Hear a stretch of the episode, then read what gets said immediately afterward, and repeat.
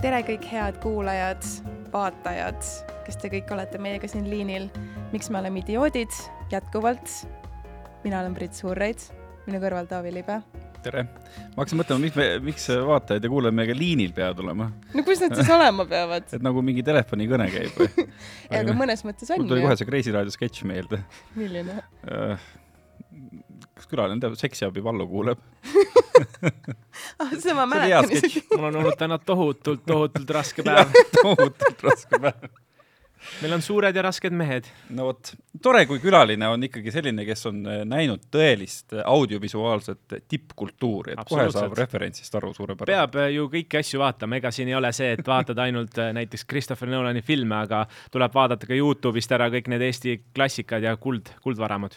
just mm. -hmm jah, tõepoolest, meiega on täna siin Andrei Padar ja me hakkame rääkima filmidest. juba sa mainisid Christopher Nolanit, loomulikult ka ikkagi Barbenheimerist, mis siis praegu kõiki kinovaatajaid, filmivaatajaid siis üle maailma hullutab täiega hullutab ja väidetavalt sai roosa värv ka otsa Los Angelest, et kui kellelgi on praegu kodus äh, vanaema kuskil garaažis, siis äh, palun saatke äh, LA-sse seda, sellepärast et roosat on väga vaja no väga paljude jaoks oled sa, oled sa tuntud filmisõber, aga nende jaoks, kelle jaoks sa võib-olla nii tuntud filmisõber ei ole, mis oli esimene film, mis sa nägid ja kui vana sa siis olid? Ma arvan, et oli, ma täpselt aastat ei mäleta, aga James Bond oli, ma käisin isaga kinos, mida ma teadlikult mäletan. kas see oli seal üheksakümmend üheksa või kaks tuhat Tallinnas Kosmose kinos käisime ja, ja kuidagi jättis sellise suurejoonelise mulje. ja kahju, et seda Kosmose kino muidugi praegu ei ole või ta ei ole avatud, aga, aga selline üks selliseid sümboleid, ma ütleks, ta kinomaastikul on olnud vähemalt paljudele. kusjuures ma võin valesti mäletada, kas mitte Äh, Coca-Cola Plaza avamine ei olnud ka seotud ühe Bondi filmiga, et kas mingi mis kurat see võis olla, see Golden Eye või midagi sellist? no võib, ja mul oli seesama film, enam-vähem mäletan, nii et aga võib-olla mälumängust tuleb miljoni küsimus, et äh, siis ma helistan sulle, Taavi. jah aga... mina ei ole näinud seda filmi. mina ei ole ühtegi James Bondi näinud. mitte ühtegi? ei ole jah nalja teed või? ei tee ma. päriselt? aga ta on kuulnud vähemalt. ja ma olen kuulnud, et see James Bond on olemas, ma ei tea, ma ei ole kuidagi sattunud, ma vist äh, kunagi ka TV3-s oli see, noh, neid maratone olnud sada tükki ja siis ma vist üritasin, aga ma ei ma ei jaksanud. aga noh, tõenäoliselt järgmine Bond on üldse naine, nii et eh, kui sa tahad seda meesversiooni vaadata, siis pead ruttu, ruttu kõik eh, kollektsiooni ostma, neid on päris palju. arvad päriselt, et on naine või? Eh, jah, ma arvan küll, et tehakse pull ära, et väike vaheldus. sellepärast, et viimases Bondi filmis tutvustati ka natuke meile seda, seda asja, aga ma arvan, me jõuame nendest rääkida. minu filmikogemus veel nii palju, et olen saanud Eestis siin turundada erinevaid voogedastusplatvorme, nii Go3-e turule siin Eestis tuua, kui seda teinud, vahepeal tegime Apollo TV-d äh, ja, ja filmiüritusi teinud aastast kaks tuhat kaheksateist äh, kinodes, nii et äh, ja ma võiks öelda, et iganädalane kinos käia kindlasti, kui mitte kaks korda et aastas ikka mingi kuuskümmend korda tuleb vähemalt ära, et vahepeal on lihtsalt jama see, et midagi ei ole vaadata, et mida sa siis teed, et. Äh, ma just no tahtsin siis... küsida, et kuidas on võimalik, et sa käid iga nädal kinos, sest et mida sa vaatad seal? no ennast ikkagi peeglist ja seal lähen sinna vetsu, äh, vetsu ja vaatan ennast, aga, aga ei, äh, küll midagi leiab, lihtsalt kõik ei ole alati nii kvaliteetne ja, ja praegu on olema õnnistatud, suvi on olnud helde meie vastu ja alates Tom Cruise'ist kuni siis Barbini välja, kõike saab ehk siis ühesõnaga, sa oled palju teinud eh, selle nimel, et, et Kirkaga kõik eh, kinod maha lõhkuda, et inimesed vaataks ainult pisikesest ekraanist voogedastusest filme, aga see ei ole sul õnnestunud ikkagi. Eh, mis sa arvad, miks, miks kinod ikkagi on ellu jäänud? mul on hea meel, et kinod ellu jäänud, ma ise ka naudin kino, aga lihtsalt ongi, ma arvan, hea balanss on voogedastuse ja kinode vahel tekkinud, et kui vanasti vaatasidki oma filmi ära, siis pidid ikkagi ootama seda VHS-i või DVD-d, mis teinekord tuli aasta või, või pealegi, aga nüüd on nagu meil võimalus seda ma ei tea, Disneyl on äh, tavaliselt mingi kolm-neli kuud, kui see tuleb Disney plussi. Äh, on osad platvormid veel, kus ta tuleb päris kiiresti, aga, aga ma arvan, miks kino ellu jäänud on sellepärast see kogemus on lihtsalt nii võimas, et, äh, et kui sa lähed sinna, siis sa saad kellelgi, ma arvan, võib-olla mõnel üksikul inimesel on Eestis nii suur ekraan ja nii hea helisüsteem, et kui sa siin sada tuhat alla ei taha panna oma kodukinole, siis ma arvan, et kino on endiselt väga hea jõhker asi, sa tõid mängu need VHS-id, mul on ka kodus kuskil mingi VHS, sul on ka või? ja ma Harry Potterit äh, vaatasin äh, esimeses klassis nii palju, et, äh, et mul VHS kulus ära et äh, sai vaadatud jah. Läksingi põhimõtteliselt esimesest või teisest klassist läksin koju, kohe koju VHS sisse, iga päev vaatasin Harry Potterit ja ja jah, mul pole üldse meeles, mis seal tegelikult enam toimus, aga mingi, ma arvan, sada korda ikka vaatasin. ja viimati ma käisin raamatupoes, ma ei ole tükk aega sattunud sinna filmiriiulisse, tänapäeval ka on veel täitsa isegi Blu-ray'de peal, Blu-ray mhm. plaatide peal müüakse filme, kurat, ma ei teagi, millega seda vaadatakse üldse, see Blu-ray no,. konsooliga, ah? konsooliga tänapäeval vaadatakse okay. päris palju.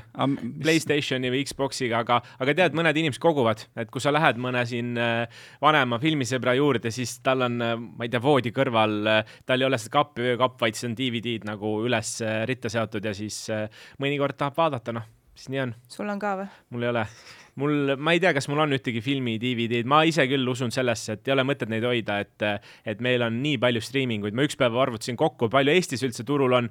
no nüüd jumal tänatud, et hakkab neid ära ka siit kukkuma selles mõttes, et vahepeal oligi, kui sa võtad erinevad siis tasuta vaatamisplatvormid, näiteks TV3 Play või Jupiter ja võtad teisele poole vastu maksvad platvormid nagu Disney pluss, Netflix, Go3, siis neid oli vist Eestis umbes kaheksa, et sa pead ikka paraja, paraja raha alla panema minema, et kõik ära vaadata mm. -hmm. no spordiülekannete kontekstis on sellest Viaplay kadumisest päris palju nagu räägitud, aga eks mm -hmm. seal oli ikka üksjagu filme ja sarju ka ja no kes võib-olla sellised Skandinaavia sisusõbrad on, need võivad täitsa kurvad olla, aga aga mis sa arvad, kas, kas nüüd hakkabki mingisugune nagu konsolideerumine ja me võime näha, et, et võib-olla veel midagi võib kaduda või, või see on lihtsalt üks selline halb äritehing? tead, enam-vähem teades, mis need Viaplay kliendinumbrid ka on, siis eh, ega see oli ainult loomulik, et eh, nad ise vist ütlesid ka, et Baltikumi kahjum oli seal pea viiskümmend miljonit, et mille nad kirjutasid kirjutad korstnasse nüüd, sellepärast et Baltikumi turul on, äh, on väga spetsiifilised fännid, äh, kes vaatavad väga spetsiifilisi asju, näiteks äh,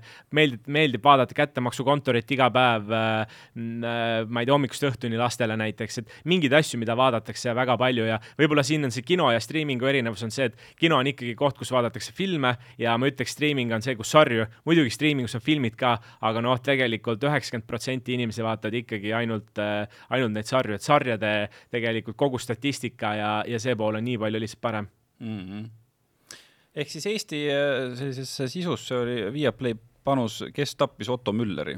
Jah, üks, üks sari ja, ja vaatasid sa seda muidu äh,? ma olen treilerit ainult näinud, ausalt öeldes jäi, jäi vaatamata, et äh, mul oli küll Via, mul on Viaplay olemas, aga, aga ma vaatasin ka seda spordi pärast pigem ja mm., ja loodetavasti, muideks Viaplay on teinud siin ju aastal kaks tuhat kaheksateist sellise triki, et äh, ta on varem ka Eesti turu peal olnud ja siis nad äh, müüsid oma platvormi maha TV Play Premiumile, aga mida nad siis tegid, et äh, F1 õigused, mis neile olid ostetud, nad ei andnudki kellelegi, nad hoidsid lihtsalt endale, ei müünud maha, raha tiksus, et äh, loodame, et siis jalgpalli ja, ja kõige muuga, et nad ei hoia seda lihtsalt endale. Nad võivad jonnakusest öelda, meil on suva, me, me ei tee mitte midagi, et, et loodame, et see ei juhtu. issand, kui õudne see oli, ma mäletan, ma ei räägi sõnagi saksa keelt, siis ma pidin RTL-i pealt hakkama vormeliülekandeid vaatama. Niki Lauda seletas seal kogu aeg midagi, ma ei saanud mitte midagi aru ma arvan, teemegi petitsioon.ee lehele siis selle, et Taavi Libe ei peaks vaatama saksakeelset äh, näiteks meistrite liiga mänge et.... no vot, mingid sõnad jäid meelde, jah. Ja nii, äh, sina ei ole spordiülekandeid vaadanud Viljapelist, nii et äh, kisu nüüd see teema tagasi filmindusse, muidu meestel läheb siin väga rappa. Jaa, no vaata, kui sa ütlesid, et äh, sina käid ikka väga palju kinos, ma oletan, et siis sul on Cruise ja Barbenheimer juba kõik on nähtud. ja mul olid tegelikult tänaseks nüüd ostetud teise, teistkordsed barbipiletid, aga jäi, jäi minemata, mõtlesin, vaatan selle filmi uuesti ära, et kas ma ikka esimene kord sain aru, mis seal toimus või mitte nii et ma võin kujutada, et ma olen praegu kinos, aga tegelikult olen siin ka korraga. kas sa tulid mm. meie pärast, äh, jätsid minemata? no jõuab veel, äh, häid asju vaadata mitu korda äh, no spoilers please, aga mis sa ise arvad, kumb äh, film siis nüüd nagu peale jäi selles äh, titaanide heitluses? no statistika on väga lihtne, selles suhtes, kui vaadata palju, siis äh, eelmisel nädalal tulid mõlemad filmid välja, eellinastused kolmapäeval, ütleme reede oli siis kõigile avatud see mõlemad filmid, siis ülemaailmne kassatulu oli Barbil oli umbes kolmsada kaheksakümmend miljonit, mis on selle aasta kindlasti nagu fenomenaalne tulemus ja Oppenheimer oli mingi kakssada kümme.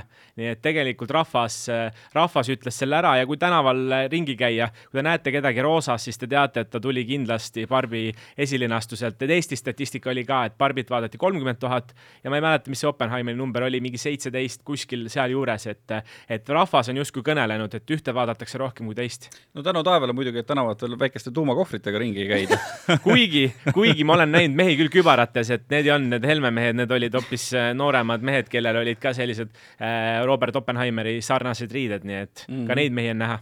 aga no selles mõttes, no mina olen ka mõned filmi näinud, et, et äh, mulle kuidagi tundub, et võib-olla äh, see ei olegi olnud nii palju see, et kumb peale jääb, vaid Oppenheimer on ikka kõvasti võitnud, sellepärast et okei okay,, Nolan ja kõik mm -hmm. suur värk, aga see on ikkagi selline tihe filmigurmaani andmine, kolm tundi konkreetset Oi. andmist ja selles on... kontekstis on see ikkagi -hmm. metsik raha, mis ta on teeninud. ja rets, see on rets andmine, mis seal on, nagu sa ütlesid, kolm tundi ja ega siin tuleb snäkke varuda, et kui keegi nüüd ei ole näinud ja tahab minna, siis äh, varuge snäkke ja, ja arvestage, et võib-olla tuju on kehva pärast seda sest ikkagi välja tuled, siis äh, võib-olla ma olen mõelnud ka, mis on sellise hea filmi näitaja, ongi see, et kui tuled kinost välja, siis äh, hakkad mõtlema elu üle järgi ja, ja see oli võib-olla selline film, kus neid detaile oli nii palju ja ma ütleks, et võib-olla, mis on nagu eristab teistest filmidest, selline helidisain oli ka mm. teistsugune, et, et kasvõi see hetk, kui tuumapomm plahvatas, siis eh, kuidas ta päriselt füüsikaliselt nagu plahvatab, et, et kogu see helidisain selle ümber eh, mega ja need detailid, et, et näiteks Christopher Nolani enda stiil on ka see, et ta kunagi ei tee siis lugu äh, niimoodi, et algusest lõpuni, vaid ta siis hüppab ajaliinis hästi palju, et lineaarset ajaliini tal ei ole ja noh, seda ta seal ka tegi ja, ja võib-olla üks huvitav fakt veel, et kes näinud ei ole või on, et seal olid nii siis värvilised stseenid kui mustvalged stseenid ja värvilised stseenid tähendasid seda, et see oli siis äh, läbi Oppenheimeri enda sellise nägemuse see ja mustvalge oli siis äh, läbi kolmanda inimese silmade. et siis äh, võiski võtta, et see mustvalge osa oli see, mida, mida avalikkus nägi, aga ülejäänud oli Oppenheimeri enda tõlgendus, nii et eks seal ajaloolist täpsust on, aga eks seal ole ka sellist kruttimist kõvasti. ja jube tore, mul on hea meel, et Christopher Nolan jälle nagu päris loo juurde juurde jõudnud ja, ja see on küll jõle tihe andmine, aga sa saad aru, mis toimub, sest Tenetist ei saanud ikka mitte sitta roostud. jah, et ma vaatasin ka, ma vist Tenet käisin kolm korda kinos vaatamas, et üldse nagu tabada, et mis seal toimus ja isegi mul läks sassi, sellepärast neid inimesi oli palju, aga, aga võib-olla peamine vahe on ikkagi see, et üks on ajalooline draama mm, -hmm. ta ongi tõsine ja teine Tenet on ikkagi action'it täis ja, ja vaata Eesti seos ka Tenetiga oli tugev ja, ja tegelikult võib öelda, et Tenetis, tänu Tenetile sai ka Oppenheimer jätku, sellepärast et näiteks Teneti keskel oli siinsamas Tallinnas üks tseen, kus obeliski juures nad arutasid Robert Oppenheimerist ja väidetavalt siis Robert Pattinson kinkis äh, sellise äh, Robert Oppenheimeri kõnede kogumiku äh, Nolanile, kui neil lõppes siin Teneti võtted, nii et, et siin on nagu mingid seosed olemas küll ei no see on jah tore, aga võib-olla kui äh, ainukene asi, mis sa aru saad, on see, et oh lahe, Laagna tee ja oi Rain, Rain Tolk ja Sergo Vares, et ja see on nagu kõik, millest sa aru saad, et et mulle nagu võib-olla jah, väga ei meeldi, kui sellised juba kogenud lavastajad lähevad seda teed, et nad teevad nagu filmi sellepärast äh, keeruliseks, et see on nagu lahe, et käisin, käisin, käisin seda viimast Wes Andersoni filmi ka vaatamas, see, see Asteroid City, see ka mulle tundub, et seal on palju asju tehtud sellepärast lihtsalt, et mm, -hmm. et lahe on nii teha, aga mitte sittagi ei saa aru. Mulle ka see ei meeldinud ja Tenetiga oli huvitav see, et äh, ju tehti neid tasuta seansse ja siis äh, ma käisin seal Coca-Cola plaasast mööda, ma vaatasin, et äh, seal olid keskmine vanus seal järjekorras mingi kaheksakümmend pluss ja see järjekord oli nagu, kujutage Coca-Cola plaasa eest ette sinna Postimaja juurde, mingid paarsada vana inimest ja siis mõtlesin, huvitav, et kuidas nemad seda filmi nüüd Tenetit vaatavad, et millest nemad aru saavad, ma arvan, nad ei saanud mitte millestki aru. Nad vaatasid A Laagne tee ja see oligi täpselt kõik, et kes seal mida tegi, ma arvan, et mõned vanaemad praegu räägivad seda kuskil pärast, Maia, oota, mis selle musta poisi nimi oli nojah, midagi sellist. nagu tramm oli ka ju. tramm oli ka, jah. tramm oli ka. selle nad tunnevad ka ära raudselt. jah, seda küll aga jah, tegelikult on ju edasi mindud, et kui Tenet oli siis kõige kallima originaalkäsikirjaga tehtud film, kakssada viiskümmend miljonit läks maksma, siis, siis Oppenheimer oli seal umbes kahesaja miljoni juures ja, ja oli võetud see elulugu, et on ka juba öeldud, et mis võiks järgmine tema selline film olla, on õrritatud näiteks, et äkki James Bondi teha, aga, aga seal on see tingimuste nimekiri liiga pikk, ma arvan, ükski stuudio pole nõus, et Nolan tahab ise dikteerida, kelle ta võtab, kuidas ta võtab, et ta on üks isepäisemaid selliseid tegijaid turul mm. -hmm. sina ei ole kumbagi näinud, Brit, veel jah?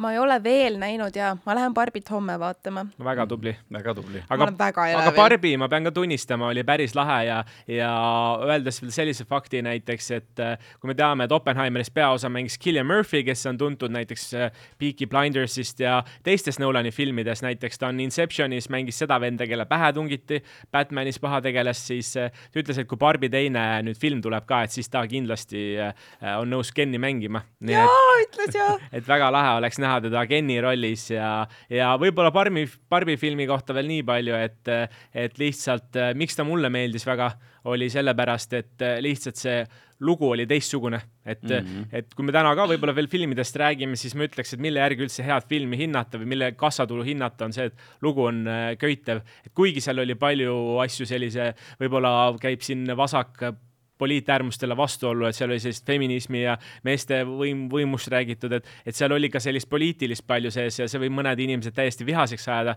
ma olen näinud ka Youtube'is on pikad videod sellest, kuidas inimesed noh, teevad seda barbit maha ja umbes viskavad nukke ja on täiesti nagu vihased, aga lihtsalt, et ta kuidagi toimis nagu. ja no mulle võib-olla meeldiski selle barbi puhul, et jällegi, kui mitte sisu ette rääkida, et et, et ta oli selline hästi feministlik, aga, aga samas ta ei olnud selline no tüütult feministlik, et sa ei lähe nagu mehena kinno ja vaata, et kuidas nüüd hakatakse materdama jälle mm -hmm. seda meessugu, vaid just, et kuidas oli keeratud nagu teistpidi, et, et seal barbimaailmas olid nagu gennid justkui nagu eh, noh, naiste võimu all, siis eh, sa kuidagi mehena vaatasid, et tõesti hakkab nendest gennidest kahju kahju, ma vaatasin, ülimõnus nagu vennad seal rannas mängivad ainult võrkpalli. see on ka ja... huvitav, aga see ikkagi, kui nagu tahaks Barbi, Barbi juurde minna ja siis ta ütleb, et homme on sõbra, sõbrannad täna ja homme on sõbrannad ja. noh, see oli natuke kurb jah. kurvalt läheb. aga noh, ma saan aru, võib-olla nukkude maailmas käibki see teistmoodi natukene, see semmimine ka jah, võib-olla tõesti ma ei ole nukkudega küll mänginud, aga ma ei tea, Taavi, kuidas sul on et...? ma ka ei ole. okei okay.. sul on Barbi olnud üldse, Brit või? Kusjuures hea küsimus, sest et äh, ma ausalt ei mäleta, et mul oleks olnud Barbi no,. aga oli mul olid prätsid ja. muide, prätsid oli... on ka seal Barbi filmis sees. millised need prätsid on muide? Äh, vaata see, mm, siis selle Barbi omaniku tütar kes okay. on Saša mm, -hmm. kui ta istub neljakesi seal äh, nagu seal äh, koolisöök mm -hmm. lauas, siis tegelikult need neli tütarlast representeerivadki Prätsi ah, ja nelja no, põnnukku. ei teadnudki, sest ma ei ole Prätsidega üldse kokku puutunud, nii et Barbi on äh, nagu tuttavam ja, ja võib-olla üks mõte veel on see, et, et lihtsalt, et tegelikult ju lugu rääkis sellest, kuidas, mille jaoks see Barbi üldse mõeldud oli, et üks ema tahtis seda teha, seda nukku selle jaoks, et tema tütrel oleks mingid eeskujumudelid mm -hmm. ja sellest sai tegelikult võib-olla võib-olla selline naiste ilu ideaal saigi selline klassikaline nukk või kui me näeme tänaval mõnda ilusat naist, et keegi ütleb, et vaata, millise nuku välimusega on, et, et Barbi võttis nagu mingisuguse rolli ja, ja võib-olla oli lahe näha, kuidas seda ümber mõeldi ja kuidas seal oli siis tegevjuhid on kõik mehed ja, ja nii edasi, et see oli päris naljakas mm. -hmm. et inimesed naersid ka saalis, ei olnud selline äh, nagu tõsine istumine, et keegi küsis mu käest, et kumma ma võtaksin, kas Oppenheimer või Barbi, siis ma ütlesin niimoodi, et kui ma pean ühe korra filmi vaatama, siis kindlasti Oppenheimer, aga kui ma pean viis korda järjest ühte filmi vaatama, siis Barbi, sest ma ei suudaks seda Oppenheimerit viis korda vaadata, ma arvan, et hullumaja laks. ja seda küll jah, seda küll jah kuigi ma sain aru, et Barbi pidi ka suht mingi eksistentsiaalne kriis ja depressioon olema, nagu kui sealt välja tuled. tselluliit ja nii edasi, et. okei, okei, okei, okei, see spoilib juba liiga palju, ma ei taha sa, liiga sa palju. sa ei saa kontekstist üldse aru sa ei saa aru, jah. ma olen näinud juba nii palju asju sotsiaalmeedias, ma ei julge enam scroll ida lihtsalt sest muidu tuleb midagi ja siis rikub kõik ära. no ma arvan, et äh, kui sa umbes kujutad ette, milline see film võib olla, siis, äh, siis sa lähed ja siis umbes selline see film ongi.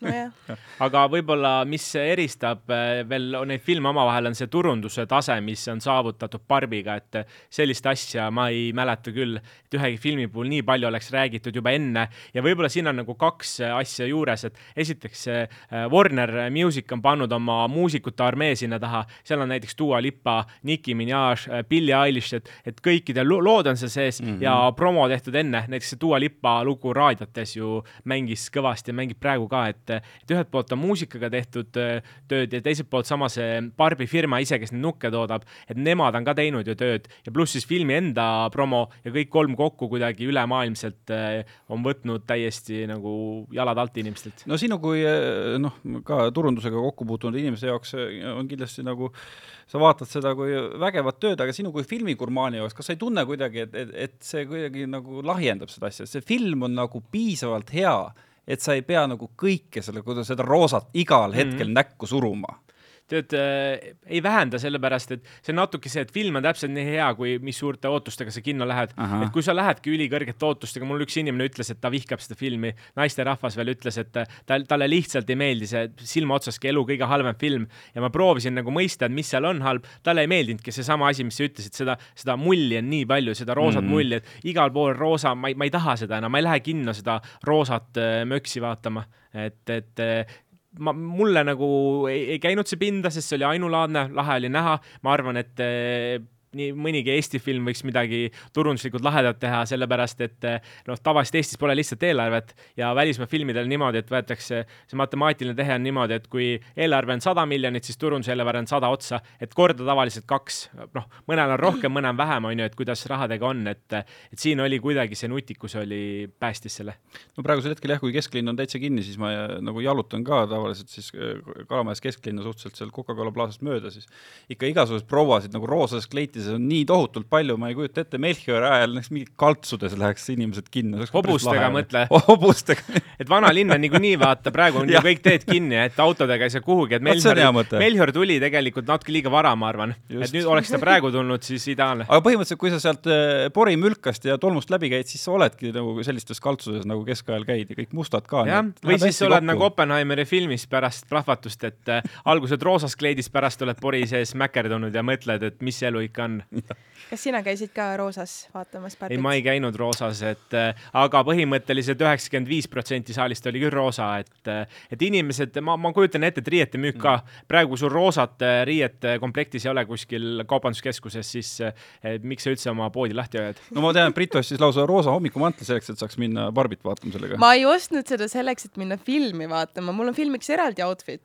aa, ta otsis no, kaks asja. ta ostis kodus lihtsalt Barbina ennast tunda ja, ja siis veel kinno ka minna. mul oli outfit juba enne olemas, mina kandsin enne roosat, kui Barbi film tuli, nii et. aga võib-olla sinu pärast see saigi nii suureks. no vot, kes teab, kes teab minu, minu arust oli pigem huvitav on see, et, et mis on opera, Oppenheimeri turundus see, et ta tuli samal ajal välja kui Barbi. see on väga hea That's küsimus, sest sellepärast, et ma olen näinud, ma võib-olla pärast saan teile näidata ka, et ma olen näinud väga palju pilte, kus siis on mõlemad filmid monteeritud kokku ja vot see on lahe, et kuidas äh, suur äh, kahesaja meetrine Barbi on Oppenheimeri pildi peal või kuidas Oppenheimeri poisid on Barbi nendes äh, väikestes kastides või boksides, et aga Oppenheimeri turundust põhimõtteliselt mina ei olegi näinud. Nende kogu turundus ongi see, et see tuli samal ajal välja kui Barbi. kõik. aga oota, nad on erinevad stuudiod ka onju? jah et no põhimõtteliselt, mis sa arvad, kuidas no, no ikkagi ütleme nii, et Oppenheimer on vaieldamatult võitnud sellest, et nad on kokku pandud, sest noh, Oppenheimeri puhul piisab, et see on Nolan ja kõik, kes tahavad, lähevad seda vaatama, aga aga mis sa arvad, kas nüüd need Barbi stuudio bossid on nagu kiristavad hambaid ka, et kurat, see pagan, Nolani film on nii palju meie sabas nagu teine. tead, ma ei usu, ma arvan seda, et ma lugesin ka, et palju siis või kuidas see üldse sündis, et palju see pidi raha teenima, et üldse see Barbi vastu võetakse, et Margot Robbie oli ka üks nendest, kes oli siis bossidega käinud kohtumas ja tegelikult seal toodigi välja, et tahetakse tuua veidraid tegelasi, nii nagu kunagi olid äh, dinosaurused, Jurassic World ja Park ja mis seal äh, kõik, äh, kõik need tegelased on ja et see tõi tohutu kassatulu ja Barbiga loodeti sama, et vähemalt miljard tuuakse ja praeguste nagu seisukohtadega tuleb. et väga huvitav on üldse vaadata, kuidas see ka kinomaastik on muutunud, et kui kaks tuhat üheksateist oli vaadates siis maailma kassatulu üheksa filmi, mis teenisid aastal rohkem kui ühe miljardi, siis sellel aastal on neid ainult üks ja selleks on Super Mario film. nii et me oleme jõudnud sinna, kus ikkagi rahvas käib vähem kinos, ma ei tea, kas see on majandus või, või on mingi muu asi, aga rahvas käib vähem kinos ja, ja ka ja väga igat senti vaadatakse ma arvan, et see on ka striimingust ilmselt mõjutatud. nagu sa ütlesid, vaata filmid jõuavad praegu striimingusse nii palju kiiremini kui vanasti. et ma ei välista üldse, et vaata inimene vaatabki, et okei okay,, kinopilet on kallis, popkorn mm -hmm. on kallis, ma ei lähe seda filmi kinno vaatama, ma ootan lihtsalt paar kuud ja siis ma vaatan selle kodus ära kindlasti, see on sada protsenti, et see streaming on mõjutanud ja tegelikult osad, näiteks Christopher Nolan ise ka äh, ju streamingute vastu, et äh, ta on ära öelnud, et tema jaoks kino on äh, püha ja ka näiteks see film on ju tehtud nendes vingetes IMAX kaamerates, mis on selle laua, üks kaamera on vähemalt selle laua suurune kui mitte suurem. ühe lindiga saad kolm minutit filmida, siis tuleb vahetada ja selle, selle Oppenheimeri jaoks oli kakssada seitsekümmend kilomeetrit seda rulli nagu lihtsalt, mida oli vaja pärast sisse, sisse lasta, aga aga jaa, kindlasti võtab striiming ära, aga tegelikult suured firmad vaatavad seda kui ühtset kompotti ka. et ma uurisin veel enne siia saat-, saatesse tulekut, et palju siis on suurte nende ähm, ettevõtete iga-aastased investeeringud sisu tootmisesse, mis te arvate, mis, kes, kes kõige rohkem panustab?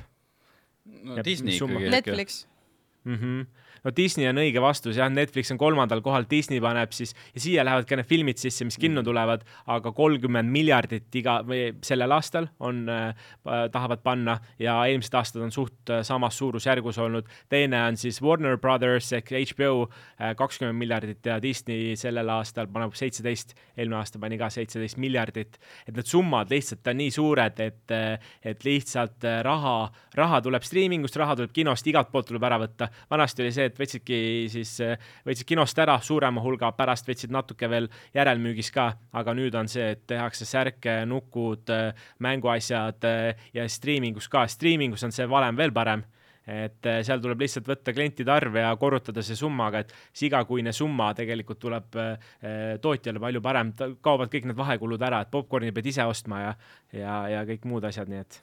Mm no kui, kui me juba sellest äh, rahast äh, räägime ja korraks noh, sellest Barbist ja Oppenheimerist nagu eemale liigume filmimaailma tervikuna, minu arust on küll kuidagi, mulle vähemalt tundub, sa võid mm -hmm. mulle mhm. vastu vaielda, aga viimasel ajal mul on selline tunne, et stuudiod äh, ei vaata nagu enam, et oo, et teeme filmi selleks, et rääkida mingit lugu või et teha kunsti, vaid vaadatakse just neid rahanumbreid.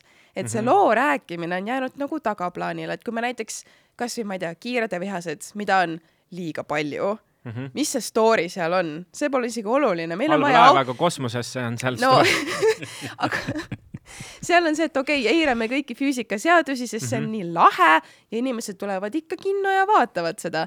et see tohutu see cash grab, et toodame lihtsalt nagu neid filme lõpmatuseni, sest need toovad meile raha, aga seal ei ole ju mingit kunsti. kellele sa seda sisu toodad muidu?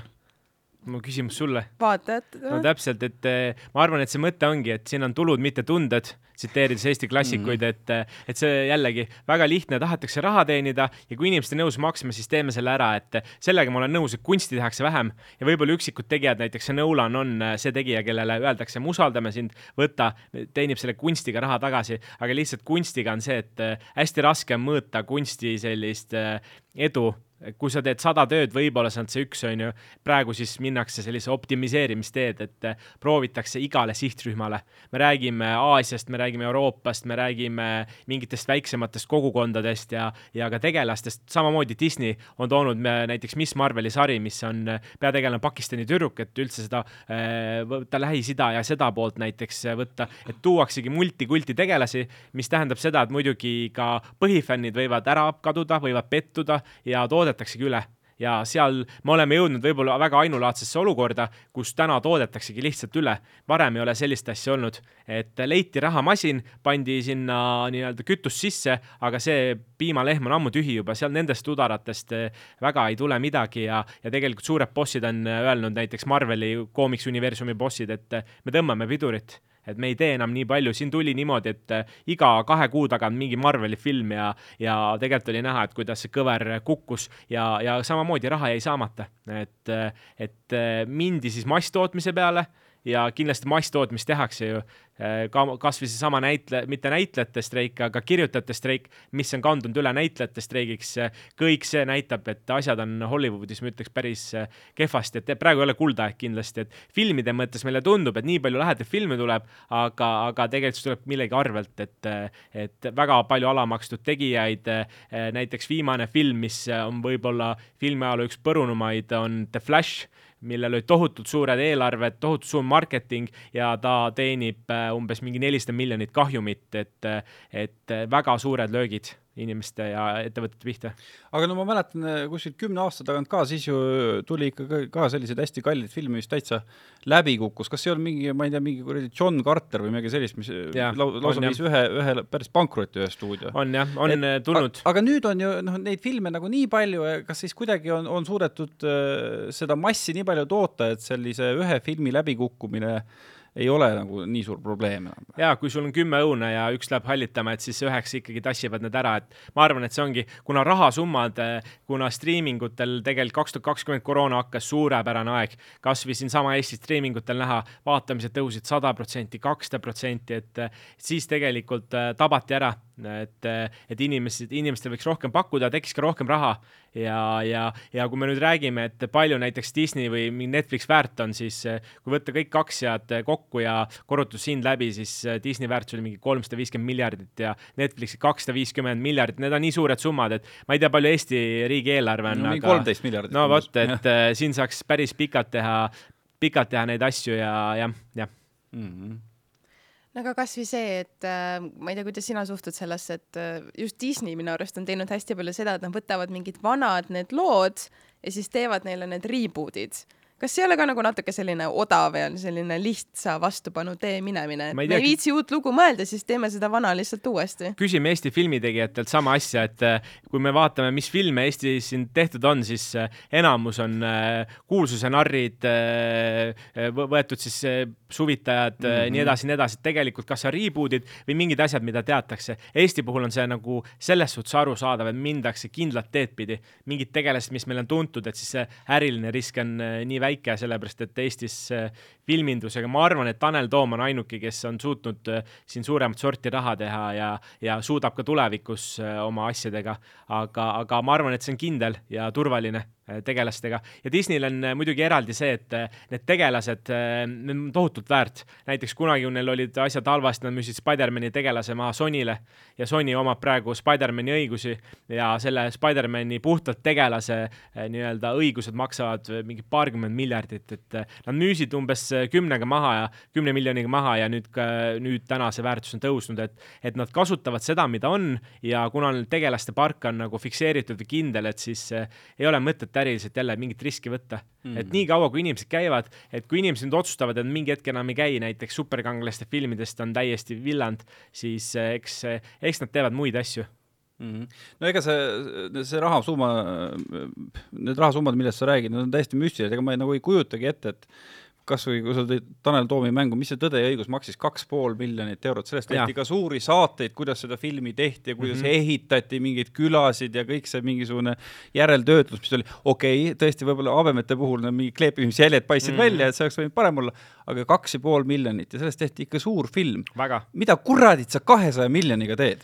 Jah, ma eriefektid, ma ütlen, et sellepärast üheski Eesti filmis pole väga eriefekte, et räägitakse küll, et paneme postis peale äh,, aga tegelikult äh, lihtsalt pole eriefektideks raha, et äh, ma just vaatasin ka, ma ei mäleta, mis film see oli, et paljud need eriefektid lähevad maksma mõnel Marveli filmil, üks viiendik e-, kogu eelarvest on lihtsalt eriefektid, et äh, ja see on ka üks probleem, et neid eriefekti äh, noh, tegijaid on turul hästi palju ja samas ongi see, et äh, suhteliselt alamakstud, et see kvaliteet enam ei tule see, kui mõtleme esimene avatar, mis välja tuli, oli suur kogemus. eriefektid tänapäeval meil enam äh, ei ole ja noh, ma loodaks ka, et mingisugused erilisemad efektid on tulemas äh, võib-olla O2 või Melchioril prooviti ka ju seda vana linna kuidagi mm -hmm. eriefektidega teha, aga noh, sa natuke vaatasid ja natukene muigasid ka, et okei okay,, noh, et äh, on proovitud tubli töö teha, päris vana linn ei ole, aga, aga midagi sarnast. no selles mõttes on tore, et sel suvel on ju ka Tom Cruise'i uus Mission Impossible tulnud, kus noh, seda screen, green screen on ikka tunduvalt vähem, on ju, et ja. ta on selline vanakooli tegija rohkem. tema vanakooli tegija, Tom Cruise teeb trikid ka ise, et äh, ta on tuntud selle poolest, et ta tahab kõik trikid ise teha ja, ja tema on ka öelnud, et Mission Impossible tuleb veel veel, et see ei ole, see ka praegu, mis kinos on nagu esimene osa, surmav otsus üks, esimene osa ja mm -hmm. siis tuleb teine ja kolmas, et eh, ma huvi, ma arvan, ta teeb nii kaua, kui ta mingi kaheksakümmend on, et kindlasti teeb ja tal on ju praegu uus soov et ta on ju, tal on lennukiload, motikaload, kõik load on olemas, et ta nüüd tahab ju kosmosesse esimese filmi teha päriselt koha peal. et ta praegu on SpaceX-iga läbi rääkinud, et siis filmida päriselt avakosmoses midagi, nii et tõenäoliselt me näeme meest avakosmoses lendamas, võib-olla kiiresti vihasta see allveelaev ka seal kuskil taustal, aga, aga muidu, muidu on nii, jah mm. -hmm. ja teine mees, kes tegelikult eriefekte ei kasuta, vähemalt sellisel viisil digitaalseid eriefekte, on Christopher Nolan, kes selle filmi jaoks ei kasutanud väidab mitte ühtegi, ka plahvatused asjad, et ta muidugi ta ütles, et ta filmis need võib-olla kas miniskaalal või kuskil väljas suuremal skaalal, aga kõik asjad on originaalsed. et äh, ma tahaks uskuda ja loota, et neid selliseid naturaalseid asju tehakse veel rohkem mm. -hmm. no kui mina ei ole ühtegi James Bondi näinud, siis viimane Mission Impossible oli esimene äh, sellest saagast, mida ma käisin vaatamas, ma käisin äh, perega vaatamas ja kõigile äh, teistele minu pereliikmetele üldse see film ei meeldinud. ei meeldinud? Nad ütlesid, et see on kõik ju teada, et kõik läheb hästi ja no okay. ja ükskõik kui põnev, ikka sa tead, et see on nagu, nagu mõttetu. aga minu meelest see oli tohutult naljakas film, et see on täitsa komöödia ju no see oli tänapäeva olukorrad olid võetud, kogu see tehisintellekt ja, ja okei okay,, seal oligi, nagu nimi ütleb, võimatu missioon, kõik, mis nad tegid, tundus üsna võimatu. ta oli üle võlli sellised. see ongi kuidagi naljakas. põgenemised, aga mulle väga meeldis näiteks, et Tom Cruise ka ikkagi suudab seda, seda asja hoida. ega neid kaheksas või üheksas osa niisama ei ole. näiteks või sellel kiire, kiiretel ja vähestel ka, et ikkagi kuskil mingi valem on õige. ega kiired vihased on lihtsalt see, et seal on kõik nii juba debiilne, seal ei ole midagi vaadata et äh, sa lihtsalt tahad näha, mida nad seekord, eelmine kord minu arust lasid Rooma õhku seal Rooma linna või mingi, mingid asjad, et sa iga kord nagu hoiad peast kinni ja inimesed lähevad vaatavad, tuntud tegelased ja, ja ma arvan, et käiakse mm. -hmm selle Mission Impossible'iga ka ma lugesin kuskilt, et Simon Pegg, kes on seal pikemat äh, aega juba seal äh, sarjas sees, oli lugenud ka seda esimese osa stsenaariumit, oh, see on nagu nii lahe, aga kuidas sa nagu teises osas edasi lähed ja siis vist lavastaja ei öelnud, täpselt ei teagi veel, et nagu üks osa tehakse valmis, siis mm. vaadatakse üldse, kuhu annab edasi minna, nii et kõik ongi nagu Cruise'i äh, fantaasia peal põhimõtteliselt. jaa, fantaasia peal ja tema on ju tõi selle, need tegelased meile ja fännid praegu nõuavad, et kui see nüüd tema praegune osa on umbes kaks tundi, mingi nelikümmend minutit pikk, siis fännid nõuavad neljatunnist seda oh, uncut'ed äh, või uncut version, kus on siis äh, veel lisamaterjali, nii et fännid, seal on mingi oma fännlus või selline kult, äh, kus inimesed käivad ja vaatavad. kujutad ette, saad vaadata neli tundi, kuidas kuuekümne-aastane Cruise möllab seal ringi? muidugi ma ei tea, mul pole isegi tekkinud siiamaani huvi selle kahe tunni ja neljakümne viie minutilise versiooni vastu või mis see üldse kui pikk see oli tuleb pissipaus teha, muideks äh, ma siin kinotöötajate käest olen uurinud, et vanasti ka Eestis olid, äh, kui film oli üle kahe tunni pikk, siis oli ametlik äh, nii-öelda pissipaus, pandi film pausile viieteistkümneks minutiks, kõik said ära käia ja tulid tagasi, et ma julgustan seda uuesti võtma. see on jumala hea mõte, ma olen kogu aeg seda mõelnud, see Cruise'i puhul okei okay,, no jääb üks tema imeline pääsemine nägemata, aga Oppenheimeri puhul küll ikka põhimõtteliselt oh, lõpuks ikka aju valutas kusehädast, kui see film lõppes, sa ei saanud ära minna lihtsalt. Killers of the Flower Moon tuleb sügisel ja see peaks olema neli tundi pikk nüüd umbes, et, et siis küll äkki saab mingi seaduse vastu võtta, et yes, teeme Alar Karis Twitteris tema poole pöörduda, äkki aitab meid välja. mis kuradi automaks tuleb nende asjadega tegeleda, mis on olulised Eesti rahvale. pissipaus äh, pikkadel seanssidel sellest ma olen alati rääkinud, ma olen, ma toetan, äh, nii et kui Taavi, sa teed selle petitsiooni ära, siis ma tulen kaasa. no vot, kas sa paned ka allkirja, kuidas sul on äh, Pissi hädaga kinos? no või sa vaatad lühemaid filme? ei no ma üritan ikka enne ära käia selles suhtes, vaata. vahet pole, kas mul on vaja või aga kas sa ei võta jooki siis ometigi seansile kaasa? muidugi, ei, oleneb, kui ma tunnen, et okei okay,, ma täna splurge in, vaata mm, -hmm. ma mhm. kulutan raha, siis ma ostan ju, aga tavaliselt ma ei raatsi, sest see on nii kallis mm.. nii et ma ei käi üldse tegelikult väga tihti kinos, sest et ma ei ole vist eh, nii suur fänn, et ma lähen vaatama isegi siis, kui mul huvi nagu ei ole et.... küll, küll me selle huvi tekitame, et, et peab olema aga no võrreldes äh, kõige muuga, äh, mis on äh, läinud nagu tohutult kalliks, siis mulle tundub, et nagu see no jah, muidugi sa võid tohutult palju maksta mingi kinopileti eest või mingi kuradi imetoolid ja mis asjad, aga, aga on võimalik kinos käia täiesti normaalse hinnaga, et, et see kinopileti hind ei ole nagu kuhugi kosmosesse läinud võrreldes kasvõi muude hindadega. inflatsioon vist ei ole kätte saanud seda veel, ma ei tea, kas see tõuseb ka, aga, aga tegelikult on mingid eripäevad a la mingid teisipäevad või kolmapäevad või mis, kus ongi niimoodi, et saad viie euro eest või isegi madalam ja, ja muidugi, kui sa tahad seda maksimaalset mugavust, mis sul selga ka mudib ja jalad on sul natuke laes, siis siis, siis võid lausa kakskümmend eurot maksta. aga mm. ma ütlen, et viie euro eest saab ka juba tänapäeval käia, nii et, et kui keegi mõtlebki, et tahab mingit sellist date night'i näiteks teha ja pole esimene kord ka date'ile minna, et siis eh, miks mitte võtta selline üks nendest suurtest filmidest, kasvõi Mission Impossible, minu meelest ülipõnev action film ja ma mõtlen, et kui Coca-Cola Plaza tuli, mul kuskil meeles, et siis see kinopilet võis maksma täitsa kuuskümmend krooni, et praegu on selle nelja euroseid õhtuid täitsa on, et noh, kujuta ette, kakskümmend viis aastat on nagu edasi läinud ja sisuliselt saad sa sama hinnaga minna kinno mm, -hmm. kurat, palk on kakskümmend korda kõrgem. et see on nagu uskumatu, et kuidas nagu, kuidagi on äh, suudetud nagu selles kinomaailmas vähemalt, vähemalt mingil äh, tasemel hoida, aga noh, muidugi kõik need popkornid ja joogid on läinud tohutu ma arvan, et selle peale mängitaksegi, ma nüüd ei saa päris kinnitada, aga, aga loogiline oleks, et äh, joogid ja popkorn ja kui sa, ma kujutan ette, mingi neli inimest perega läheb ja lapsed on ka kaasas, et siis äh, võtadki popkornid, joogid, et võib-olla sada. viis kõmmi läheb kindlasti. no viiskümmend läheb kindlasti, et siis võib-olla läheb rohkemgi, eriti kui läheb mingit pikemat filmi vaatama, et siis juba läheb kõht uuesti tühjaks ja uuele ringile. ei, kusjuures ma reaalselt minu arust kunagi lugesin isegi, et äh, kinode jaoks on see filmide sisseostmine nii kallis, et äh, nad teenivadki tulu põhiliselt just nende mm -hmm. snäkkide ja jookide pealt tõenäoliselt jah, eriti jah ja,, popkorn ju, mõelge ise, palju see päriselt maksab ja, ja kui sa nüüd, no ma arvan ka, et see on sendid ja kui sa ostadki selle kaheksa eurose topsiku, noh, siis see ongi selle kino, kinno mineku hind või selle kogemuse elamuse hind. no täpselt nagu tanklad teenivad tegelikult äh, kohvi ja kabanossi müümise pealt, et see, see kütusemarginaal on nii väike mm. -hmm. kas sa ostad tihti endale snäkke seal, noh? Tead, ei osta, võiks arvata, ma olen suur popkorni sõber, aga ma arvan, et siis äh, iga kord peaks jooksmas ka käima, et äh,, et lihtsalt äh, võib väga-väga nagu suureks minna puhtalt popkorni ja kommide söömisest, aga, aga tead, mõnikord mõne hea kommi või hea snäki võtad või nacho, aga, aga Oppenheimeri jaoks ma võtsin, sest ma teadsin, kui pikk see on ja mõtlesin, et äh, kahe tunni peal võib-olla on juba kõht koputab, et halloo, tahaks nagu midagi, midagi maitsvat mm. -hmm. nii et või kuidas teil on? no minul on niimoodi, et ma võtan ka ikkagi tavaliselt mingit head kommi, mitte väga palju, aga siuksed väga head, näiteks nagu mingi äh, hapud kommid. jah, hapud või siis selline meie äh, banaanšokolaad, mulle meeldib väga see on tõesti, aga siis võtan natukene ja siis põhimõtteliselt, kui film algab, siis tavaliselt on mul otsas juba. Mm.. aa, sa oled see, kes hakkab Treil, sööma? ma olen see treileri söödik rohkem. ma kujutan ette, et Taavi teeb endale ise kaasa banaanšokolaadist, ta paneb sellise rätiku sinna, onju, hakkab seal sööma, et, et muideks rääkides üldse, mis inimesed kinos meil käivad, et seda on ka ikkagi seinast seina, et mingi uus trend on ikkagi telefonis ka olla päris palju kinos ja kõige veidram või üks veidramaid asju oli see, kuidas mees oli siis videokõnes oma sõbraga ja ei ta filminud nagu ekraani, vaid ta lihtsalt äh, oli videokõnes ja rääkis juttu.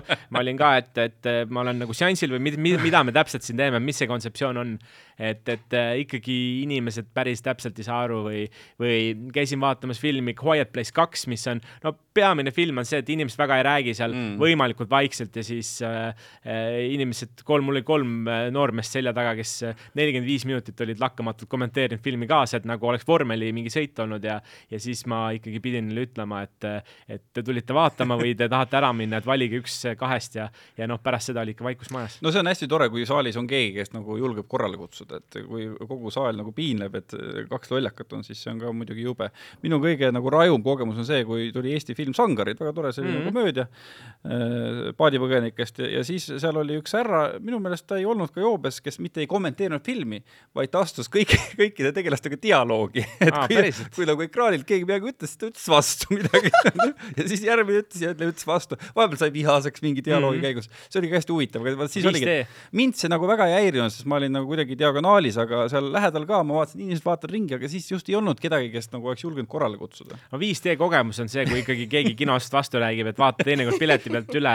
et aga mulle meenub, et me ühe korra on välja ka läinud äh, filmi ajal, sellepärast et minu kõrval istus siis naine ja mees, olid tulnud ühte äh, Marveli universumi filmi vaatama ja naine ei tahtnud seal üldse olla. naine tegi kogu aeg sellist häält ja siis mees oli mingi kallis, et kas me läheme ära või? naine oli mingi ei, me ei lähe kuhugi. siis äh, see kestis mingi kakskümmend minutit, see trall ja kuna ma olin seda filmi, läksin teist korda vaatama, siis ma otsustasin, et äh, ma, ma ei suuda lihtsalt nagu vaadata, et see, ma ei tea, kas see käis see poolteist tundi või kaks tundi edasi, aga, aga naine ei tahtnud seal olla ja mees tõenäoliselt ei saanud sentigi seda filmi nautida, et ta muretses kogu aeg, et kas naisel on hea olla, nii et, äh, et on ka mõned filmid, mis on, ma ütleks ainult meestele, ainult naistele, et ei pea, see on, see on nagu vale, et peab kindlasti kõiki asju koos minema vaatama mm, -hmm. et kui sulle ikkagi ei meeldi Marvel, siis ära mine seda vaatama kusjuures mina ei saagi aru, kuskohast see, see on nagu Eesti kinokultuuri ka juurdunud, et mul on ka hästi palju tuttavad, kes ütlevad, et noh, lähme kinno või et pole kellegagi kinno minna. mulle meeldib tohutult üksi kinos käia. aga see on see, et kui nagu kellegagi ei ole minna, siis nagu ei lähegi kinno, perset raisk aga no päris ausalt, kuskohast see on tulnud või? häbelikud äkki. häbelikud. ei no äkki see on see lihtsalt, vaata, et osad inimesed ei julge üldse avalikes kohtades eriti nagu üksinda no, käia. no kinosaal on kõige vähem avalik koht üldse minu meelest ma ei tea, osadel võib-olla on mingi sotsiaalne ärevus, vaata, et oo, et keegi vaatab, et ma olen mingi üksi siin saalis ja. see tundub jama, ma ka, ma arvan, et lihtsalt kardavad seda, et kui keegi nüüd näeb, et Peeter läheb üksinda kinno, et noh, kuule, tal on midagi viga, et talle kutsuge palun kiiremas korras politsei või. ma ei, ma ei kujuta ette tõesti, sellepärast et ise, ise ka, kui ma olen ikka mõni film, mida ma tahan väga näha ja võib-olla keegi ei saa tulla või mõnikord nagu on niimoodi, et ma ei viitsi kutsuda, see mm -hmm. kutsumisvaev on nii palju suurem, ma käin ise, vaatan ära, see on kaks tundi minu aega näiteks ja, ja tegelikult on hästi, et aga seda tahaks küll teada, et miks inimesed ei julge käia mm. -hmm. ma mäletan, kui ma ülikoolis õppisin ajakirjandust, siis meil oli sotsioloogia, kus äh, räägiti pikalt ühest äh, teosest äh,, kuidas ameeriklased hakkasid üksi nagu bowlingut käima mm -hmm. mängimas. noh, bowling on ju eriti seltskondlik tegevus, aga siis oli ka, et kust see fenomen on nagu tekkinud, et sellist seltskondlikku tegevust teed sa üksi, et võib-olla siis Eestis võiks mõni noor sotsiaalteadlane selle ette võtta, et, et miks meil nagu see üksinda kinos käimine on kuidagi tabuks muutunud mm. -hmm. ei tea. ei tea, jah ma ei tea, ma ei ole vist käinud üksinda kunagi kinos. aga miks, miks sa ei ole? ma ei tea, mul on olnud alati keegi, kellega minna lihtsalt. kuule, see on nüüd vabandus, loll vabandus, räägi ära, miks sa üksinda ei ole käinud? jah ma ei tea, ma ei käi üksinda eriti väga kuskil. ma ei tea, mulle ei meeldi. aga vetsus? jaa, Taavi, ma käin alati koos kaaslasega vetsus.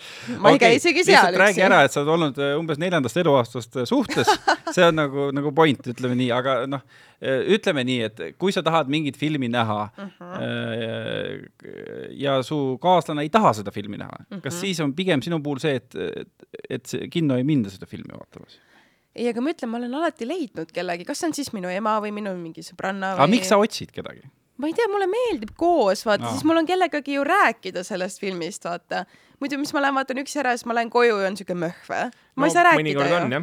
noh, aga siis ma tahan ju rääkida kellegagi sellest filmist. võib-olla no, ma ei tea, see on, see on huvitav sotsioloogiline praegu asi, võib-olla see on äh, mingite Eesti meeste ja naiste erinevus ka. mida pärast ma räägin sellest filmist, ma nägin selle filmi ära, ma lasin selle endast läbi, kui see on hea film, siis ma tahangi seda head emotsiooni leida, siis ma ei taha, et mingi kuradi Ufo hakkaks kõrval rääkima, kuidas talle mingi asi ei meeldinud, hakkaks mu tuju ära rikkuma. ja vastupidine olukord on selline, et äh, kui see film mulle ei meeldinud, siis ma ei taha ju seda hakata enam üle kordama aga kuidas sa Barbit ja Oppenheimerit käisid vaatamas siis äh,? Oppenheimerit koos abikaasaga, Barbit üksi. Barbit üksi või? oo, ja keegi ei vaadanud kahtlaselt või?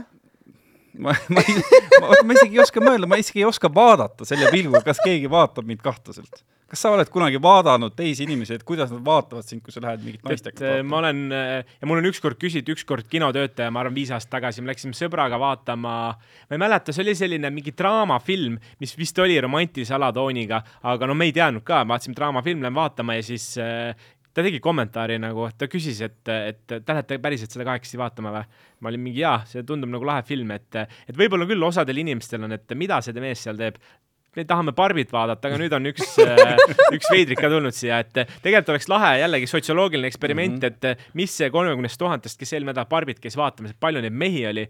sellepärast, et kui mina käisin seansil, ma ei tea, palju, palju sul oli seansil, aga ma ütleks küll et, et üheksakümmend üheksa protsenti naised ja üks protsent mehi ja mina käisin äh, keset päeva kusjuures äh, selles suures T1 saalis, mis on nagu tohutult suur, ma täpselt mm -hmm. ei omanud, see oli kuskil pooltäis, aga no seal ikka mõni mees oli veel, aga üks selline kuuekümnendates paar läks küll kuskil kolmveerandi no. pealt ära.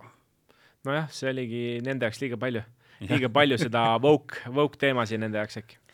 no vot, kui sa selle woke teema juba mängu tõid, siis minu arust see on ka päris sihuke kuidagi viimasel ajal, et vaata, sul peab olema kõik, ma ei tea, nahatoonid mm, -hmm. kõik vanused, kõik kõik, kõik, kõik peab olema esindatud, ühesõnaga. ja see ei ole ainult vaata kaadri, noh, ees, noh, filmis siis mm, -hmm. vaid ka kaadri taga.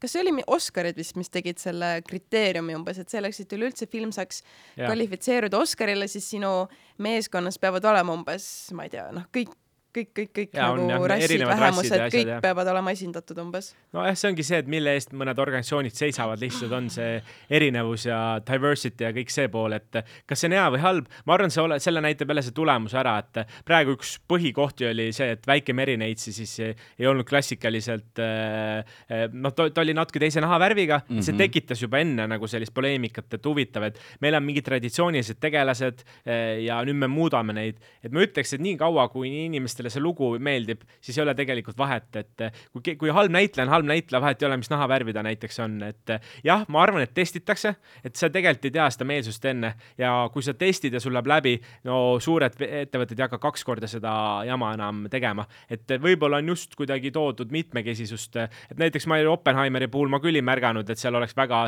sellist mitmekesisust olnud, et nii nagu lugu oli ajalooliselt mm, -hmm. seal need valged mehed tegid seda ja, ja lihtsalt otsustas, ma ei tea, direktor teha niimoodi ja kiideti heaks, et võib-olla need suured, suured siis äh, sekkuvad ja ütlevad, et teeme teistmoodi, aga, aga ma ei tea ka no kas sa tunned, et kas see on vajalik?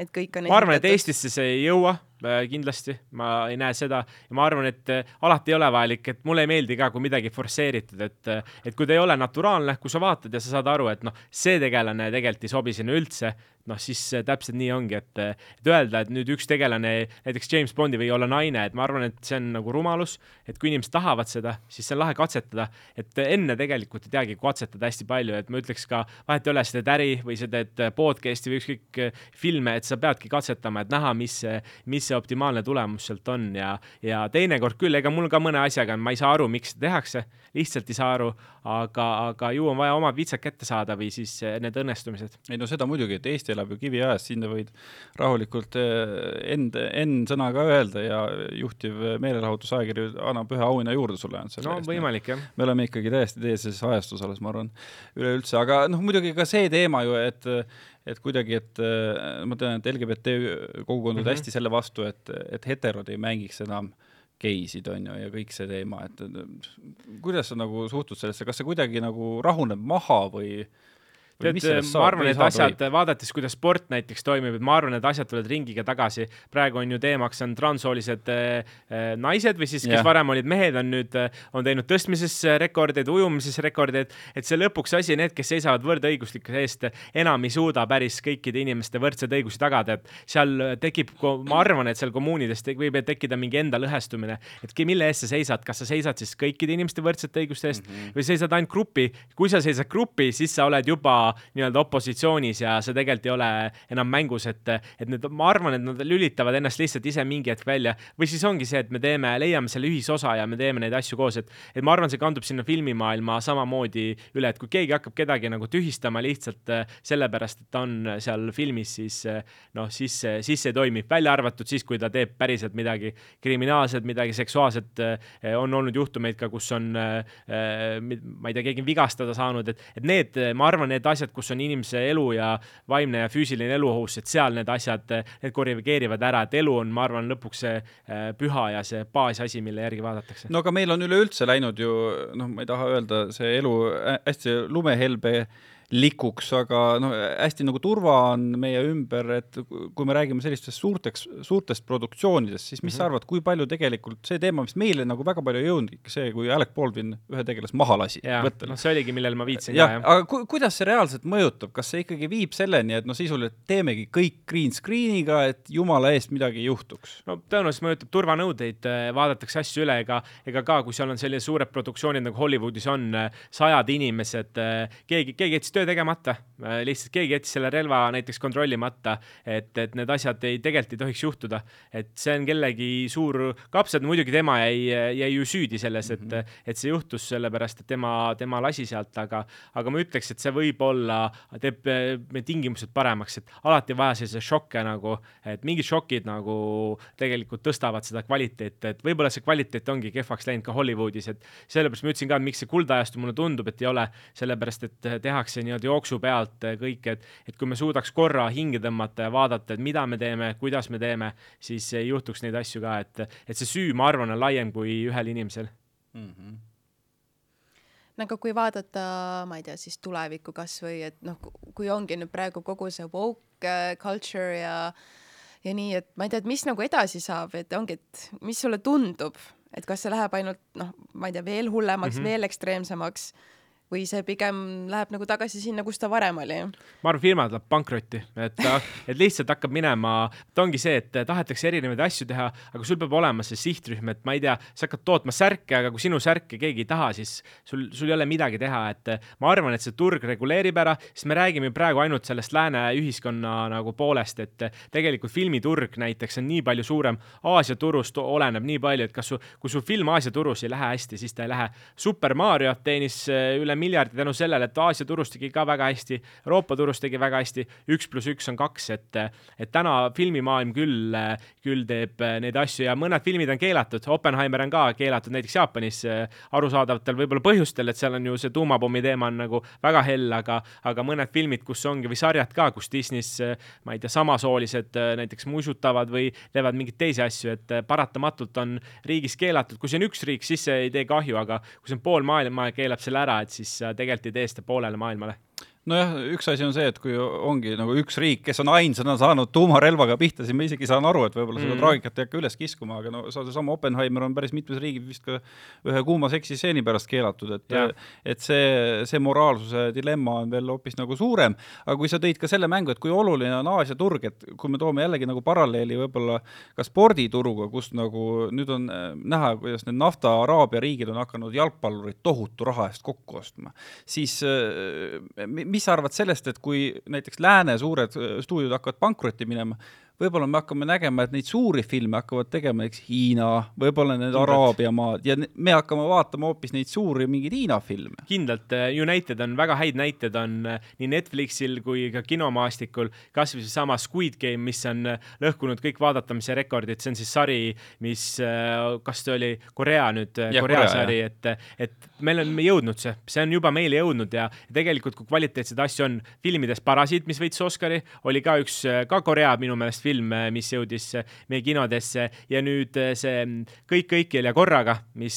võitis, kas oli seitse Oscarit või midagi, et Aasia filmid ja näitlejad on juba jõudnud vähemalt suurtele auhinnagaladele ja ma arvan, et see sisu tootmine hakkab tõhutult olema. üks asi näiteks ka, näiteks Jaapanis, Jaapani animatsioonid, see on ka uus trend, mis maailmas on, on see, et, et Jaapani animatsioonisarjadest tehakse filme ja need filmid toovad ka tohutult raha sisse.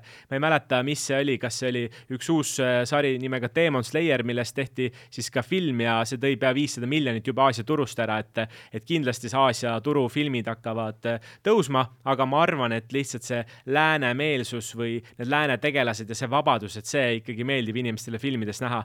vahet ei ole, kas sa oled Aasias või, või mitte et äh, näiteks sama see, okei okay,, Parasiit ei ole võib-olla hea näide, aga, aga kasvõi see Squid Game, et sellist tapmist ja, ja võib-olla action'i oli päris palju, et see meeldib kõigile mm. nojah, üks asi muidugi see Korea ja Jaapan, kus no, on, kui me jätame selle kultuurilise traditsiooni kõrvale, siis see on ikkagi samadel alustel üles ehitatud majandus, majanduslik Äh, keskkond nagu meie, aga no, noh, Hiinal on ju puhtalt, et nad, teevad ka juba väga suuri filme, et neil ei ole probleemi, seal diktaator tõstab äh, ühest potist teise raha ja selline asi, et kui midagi saaks pankrotti minna, mida riik ei taha, et pankrotti läheks, see on nagu võimatu. tõsi, see oleks päris huvitav, kui nad ütleksid, teeme oma näiteks äh, Avengersi või Tasujad ja. või, või me teeme mingi muu asja, et seda oleks lahe näha, kuidas see läheb, et see ikkagi nõuab ka mingisugust sellist suurt tootmist, et võib-olla nad ei ole veel seal et asju, kui mõtleme asjadega ka, et, et nüüd on ka näiteks telefonide maailmas väga palju tuleb juba Hiinast telefone, mis on väga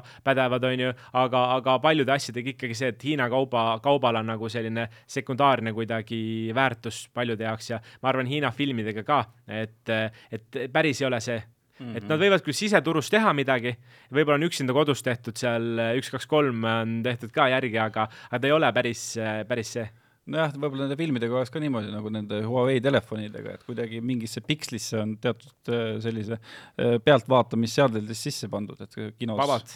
vaatad kohe vaatajate aiu ja. aga ma arvan, et need on lühisisus väga head, et, et kasvõi see Tiktoki näide, kuidas söödetakse siis väidetavalt teatud piirkonna inimestele rohkem sellist hariduslikku sisu ja teistele sellist meelelahutuslikku sisu, et nad tegelikult oskavad väga hästi optimiseerida, oskavad tehnoloogiat ära kasutada, et võib-olla, mis toob muutuse, on see tehis, tehisintellekti, ai ja kõik see pool, et kui see suudab luua neid tegelasi meile nüüd äh, visuaalselt väga-väga muljetavaldavad, siis tegelikult seal võib see Hiina turg nagu tulla ja teha üks-null ära, et, et kasvõi Venemaa näitel, kus võetakse igasuguseid suuri kette üle ja öeldakse, et nüüd nad on meie omad, siis ma arvan, saab ka tegelikult mingite tegelastega teha, et kui Hiina ikkagi otsustab näiteks tasujate kõik Ironmanid asjad nagu üle võtta, siis, siis me ütlen, nad ütlevad, meil on suva, me teeme ära ja inimesed ikka vaatavad, et see võib olla mingi täiesti uus asi, mille peale väga paljud mõelnud ei ole mm. -hmm no ja teine asi, mille puhul mina tahaks teada, mis sa arvad, kuhu see liigub, on see, et nagu kui ongi nagu kõik on nagu äh, kõik suur raha on nagu stuudioni, stuudiote monopolide käes, siis mis sa arvad, kas sellist asja ka veel juhtub nagu omal ajal, et tehakse mingi kolme miljoniga Rocki valmis ja see teenib sada viiskümmend miljonit või noh, Pulp Fiction samamoodi ju tegelikult suhteliselt madala eelarvega teenis tohutult. Et noh, need väga head äh, autorifilmi, autorkinofilmid, Artises näiteks mm, -hmm. kas on võimalik, et sealt tuleb mingi asi, mis teenib, ma ei tea, sada viiskümmend kuni kakssada miljonit. mul on hea analoog, et see on nagu üheksakümnendatel rikkaks saamisega, et eh, Eestis üheksakümnendatel tõenäoliselt oli miljonäriks eh, lihtsam saada, kui seda täna teha, et yeah. ma arvan, nende filmidega on sama, et, et eh, kindlasti on võimalik, aga see maastik on nii raskeks läinud. sul võib olla ülihea film ka, aga kui sul raha ei ole seda turustada, turundada, seda viia, et sa käidki väikestel filmifestivalidel, et, et ja loodad, et äkki keegi suur võtab üle, aga näiteks Rocki näide või mõned teised näited, et seal on ka tegelikult suured siis ette olete proovinud forsseerida näiteks äh, Silvest-, näiteks Rocki puhul Sylvester Stallone'i, et kuule, et ära, et talle öeldi, et me oleme nõus sulle ainult äh, loo ära võtma siis, kui sa ei mängi seal. ja lõpuks ta suutis selle kuidagi läbi suruda, aga tegelikult täna, täna seda kellelgi ei ole seda eeliskätt väga, et sul mm, -hmm. sul peab olema siis mingi enda rahastus ja, ja minu meelest ka Eesti turu peal, kui me räägime, et siin Andrei ja Robin tegid ju Villa ja tulid nüüd majandustulemused välja ja see miinus, mis sealt vastu vaatas, et ma ei tea, kas see peegeldab nüüd päris tulemust, aga, aga see oli ikkagi mitusada tuhat miinust, et, et okei okay,, see on Eesti turg ja see oli projekt tundus mega edukas, aga, aga mis selle edu taga, kas seal ka raha on, et kui lõpuks sa oled pankrotis ja nutad kuskil, et siis see tegelikult väga ei aita sind mm. -hmm.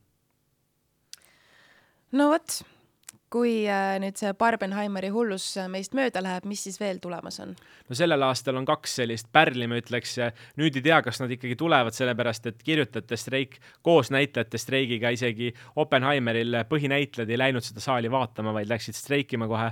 et kui see nüüd äh, kuidagi ka laheneb, siis me näeme, aga Zoom kaks on sügisel tulemas, see on teine osa siis sellisele utoop-, utoopilisele seiklusfilmile ja, ja teine on näljamängude eellugu, et me teame Katniss Everdeen'i ja kogu seda näljamängude punti seal, Jennifer Lawrence sai seal sellise oma suure rolli ja, ja eellugu peaks tulema siis kogu sellele maailmale ka, et sügis, sügisel on jälle oodata, vahepeal on mingid sellised poolkõvad superkangelaste filmid äh, on tulemas, aga ma ütleks, pärast neid kahte väga midagi suurt ei ole ja siis ma küsin lõpetuseks nagu teise nurga pealt, et mis sa arvad, millal tuleb esimene tehisintellekti kirjutatud film ja mis sa arvad, millal tuleb esimene selles mõttes tehisintellektiga tehtud film, et seal pole näitlejaid ja pole animaatoreid, vaid ongi tehisintellekt selle kõik kokku pannud? minu arust äh, Netflixil on üks väga hea sari Black Mirror ja sellel tuli uus hooaeg välja, kuues hooaeg ja seal siis esimeses osas räägitakse sellest, kuidas näitlejad on müünud oma siis näoõigused maha ja et ja väidetavalt osades lepingus,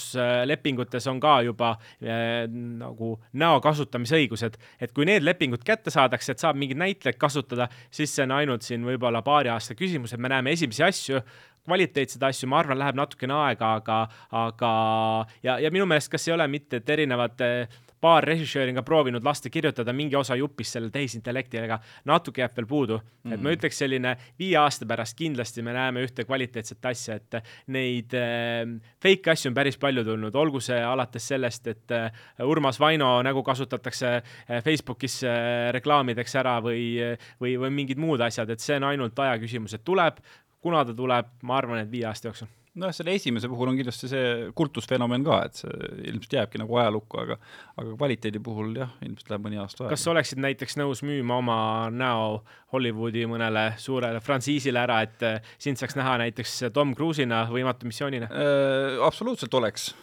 ma arvan, et ma rahulikult müüksin ära ja siis ülejäänud aja elaksin Paradiisi saarel, ma arvan, paarsada tuhat dollarit vast ikka makstakse. no Disney loodetavasti võtab siis täna ühendust sinuga ja, ja siis uus Võimatu missioon äh, Taavi Libe versioon ja, laivi. hea meelega, ma loodan, et Tom Cruise päästab mind äh, kuristiku kukkuvast rongist. ma oleks väga rõõmus.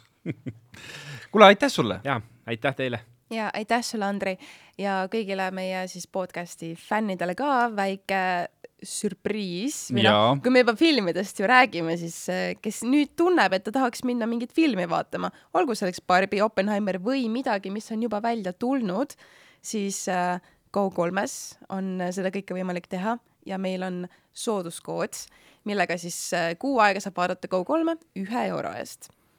ja just, see sooduskood on idioodid. just, just, minge, minge kindlasti, ma mingil hetkel mõtlesin seda, et ma olen sealt K3-st näinud ainult Tulsa Kingi, aga nüüd ma hakkasin vaatama sellist suurepärast sarja nagu The Wire, mida ma ei ole Mhm. näinud, sa oled näinud? ma ei ole seda näinud, aga ma vaatasin just ühte seda Tom Cruise'iga filmi eelmine nädal ka Go3-st ja mäletan, mis selle nimi oli, aga, aga ma ütlen, et kui, kui on mingi lemmiknäitleja või näitleja järgi otsida, kui lemmikžanr, vaata žanri järgi, et minu meelest eh, Go3-l on Eestis üldse kõige suurem sisuvalik eh, kõikidest asjadest, vähemalt filmide puhul. just, ja see HBO tulek on tõesti toonud vanad head kvaliteetsed sarjad, nii et kasutage seda koodi, sellepärast et, et kurat, ikka kipub siin suvel päris vihmaseks minema vahepeal ja mõni päev nagu ei taha välja minna, siis on päris hea mi- midagi head vaadata. ei no täpselt, meil on ikkagi Eestimaa suvi ehk et äh, ei mingit rannas olemist või aitavas, vaid seal äh, lihtsalt äh, telekat. nii et sooduskood idioodid Go3-s üks kuu siis üks euro.